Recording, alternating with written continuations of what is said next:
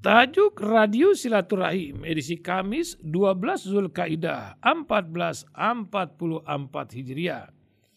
Bertepatan dengan 1 Juni 2023. Diberi judul Selamat Hari Lahir Pancasila. Adanya seperti tidak adanya.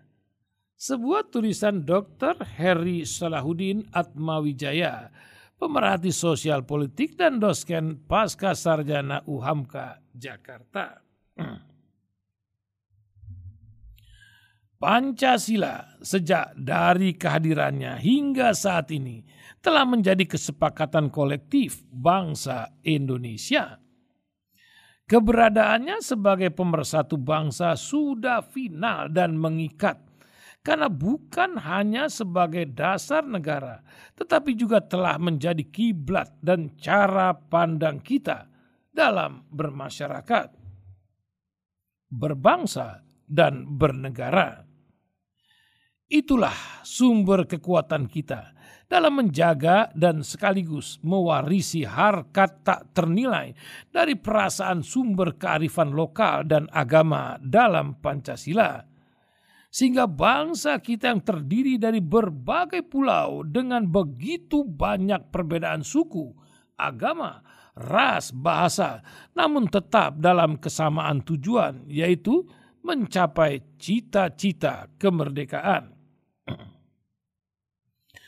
Meskipun nilai-nilai yang terkandung dalam Pancasila merupakan perasaan yang bersumber dari nilai-nilai agama, termasuk di dalamnya Al-Quran, akan tetapi, Pancasila dan agama tidak dapat disatukan.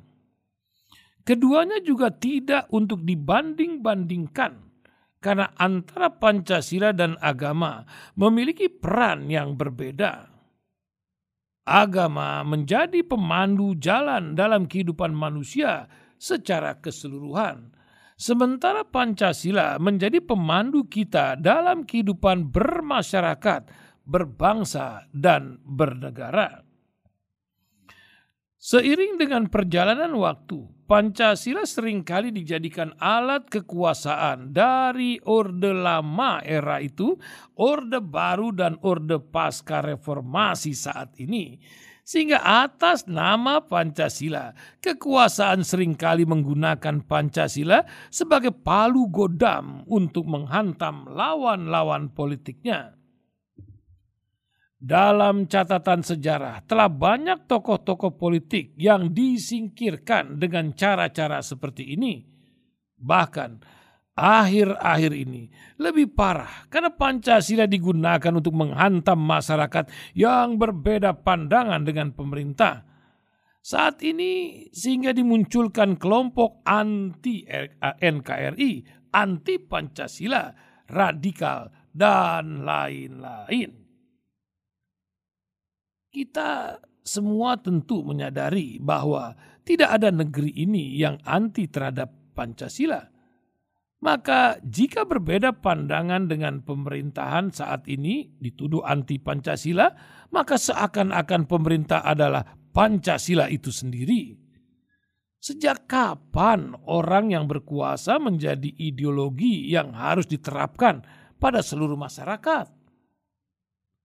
Anehnya, justru kita tidak mempertanyakan siapa yang paling bertanggung jawab untuk mewujudkan nilai-nilai Pancasila pada saat nilai-nilai Pancasila sudah banyak yang tercerabut dari sendi-sendi kehidupan berbangsa dan bernegara saat ini. Persatuan telah dicabik-cabik oleh kekuatan kepentingan politik gotong royong entah nilai-nilai luhur itu ada di mana sekarang. Keadilan sudah merupakan barang mahal di negeri ini. Siapa yang paling bertanggung jawab terhadap semua ini? Kenapa hanya rakyat kecil yang selalu menjadi objek kampanye Pancasila seakan-akan rakyat kecil tidak mengenal Pancasila? Bukankah menghadirkan Pancasila itu kewajiban negara? Inilah yang disebut wujudul, wujuduha ka'adamihi. adanya seperti tidak adanya. Wahai para pemimpin, jujurlah pada hatimu. Jika semua itu masih absen dan belum hadir dirasakan oleh masyarakat bangsa Indonesia, maka artinya Pancasila hanya kesepakatan sejarah yang tertuang dalam hanya menjadi piagam sejarah, bukan pedoman dalam menjalankan tata kelola pemerintahan. Sengkarut persoalan politik kebangsaan yang ditandai dengan memanasnya tensi politik menjelang pemilu Presiden 2024 karena turut campur tangannya Presiden dalam menyiapkan calon Presiden yang akan datang sesuai dengan seleranya semakin menelanjangi istana bahwa ada masalah serius yang dihadapi bangsa ini. Hingga presiden sangat berkepentingan untuk mengamankan posisinya dengan cara menyiapkan penggantinya, hal yang tidak lazim dan sangat mencederai praktek demokrasi kita. Bau tidak sedap pun keluar dari dapur istana. Ada bangkai apa yang disembunyikan, sehingga sebegitu bersemangatnya presiden sibuk menyiapkan penggantian daripada memikirkan persoalan rakyat yang semakin tidak menentu. Tentu bukan hanya soal mengamankan keberlangsungan pembangunan ibu kota negara IKN di Kalimantan sebagaimana yang sering kita dengar, tetapi ada faktor lain yang mendasarinya. Inilah yang harus dijawab oleh istana saat ini adanya indikasi menjegal calon presiden tentunya yang tidak dikendaki juga sekaligus menunjukkan bahwa bukan hanya prinsip-prinsip demokrasi yang dilanggar, akan tetapi juga tidak mencerminkan pemimpin yang berjiwa Pancasila. Sebagai penutup tulisan ini, marilah pada hari yang bersejarah dalam menentukan arah perjalanan bangsa ini, kita merenung sejenak, memberikan penghormatan kepada para founding fathers kita yang telah begitu hebatnya merumuskan Pancasila. Sebagai dasar negara kita, sebagai generasi bangsa, kita berkewajiban merawatnya, merawat persatuan, merawat kebinekaan, serta melaksanakan nilai-nilai yang terkandung dalam sejarah ajaran Pancasila.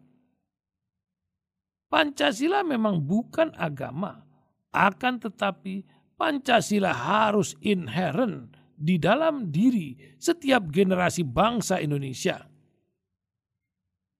Selamat Hari Lahir Pancasila 2023. Wallahu a'lam bissawab.